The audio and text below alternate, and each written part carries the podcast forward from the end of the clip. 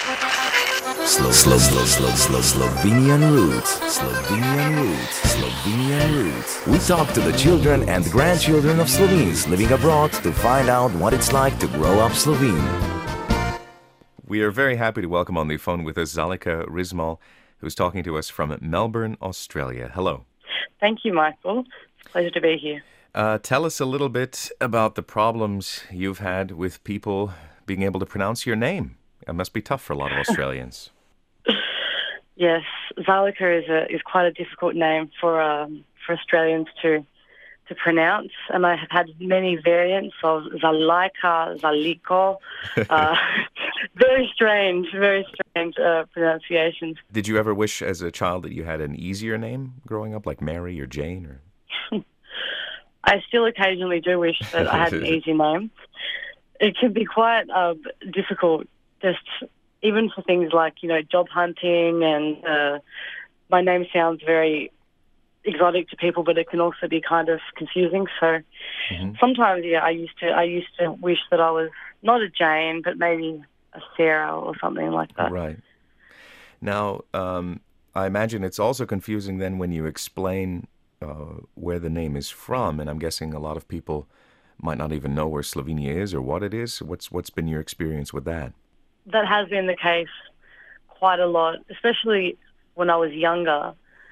Uh, people didn't really know Slovenia very much. These days, more people know about Slovenia. They still confuse it with Slovakia, but mm-hmm. you know, slowly, slowly we are we are developing and learning a bit more. I think here. So tell us what it was like as as a child uh, growing up uh, with this exotic name and also with this background of, of Slovenian culture. How much Slovenian culture was in your childhood? Uh, well, I think I'm a special case uh, because my mother worked for the Slovenian radio program here in Melbourne mm-hmm. for Australia. She produced the program, so uh, we were very involved in the community here the Slovenian community in, you know, the cultural performances and even with the radio program. I also uh, travelled many times to Slovenia growing up with my parents. We went nearly every year, mm-hmm. uh, and I went to school there, you know, for a month or so. I think that I've had more than average experience in terms of my uh, Slovenian roots and living the culture and keeping that connection. And how was it when you when you came to Slovenia? What struck you? Uh, what were what were the differences kind of between Australia and Slovenia?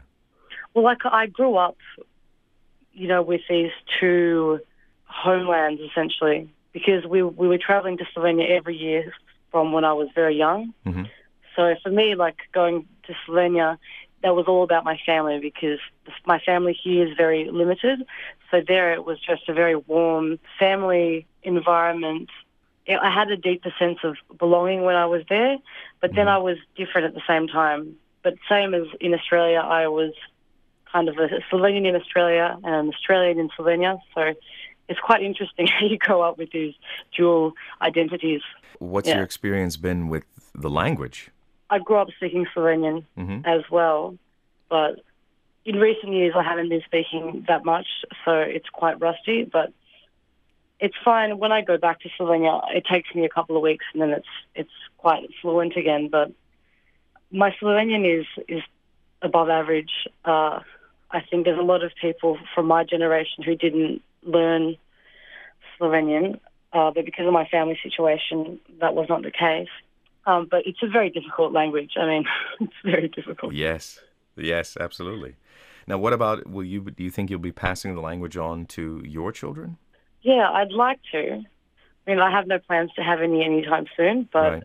when I do, yeah, I would because I feel like for me, my most emotional kind of uh, feelings and all this family stuff, it's very Slovenian to me. So my my feelings and my emotional kind emotional family life come from a part of me that is very Slovenian. So I really hope to pass that on in some way.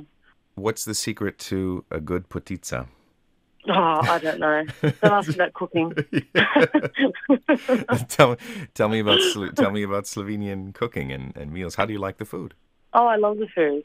Uh, I'm a vegetarian. I've been a vegetarian all my life, and so was my mother. So mm. my experience of the food is a bit different, but no, I love it. It's great. I have to always prepare when I go back to Slovenia to put on, you know, 10 kilos because everyone is feeding me so much. right. um, but yeah, I love it. I mean, and even simple things like pumpkin seed oil, which no one uses here, which is very normal in Slovenia, you know, for salads. So we're always bringing back the pumpkin seed oil and the coffee, and it's great. It's it's nice to have these additions to our, our cuisine. Zalika, thank you very much for speaking with us, and uh, have a wonderful no rest problem. of the day. Thank you. This was Slo- Slo- Slo- Slo- Slo- Slovenian Roots. To listen again or find out more, go to www.radiosi.eu.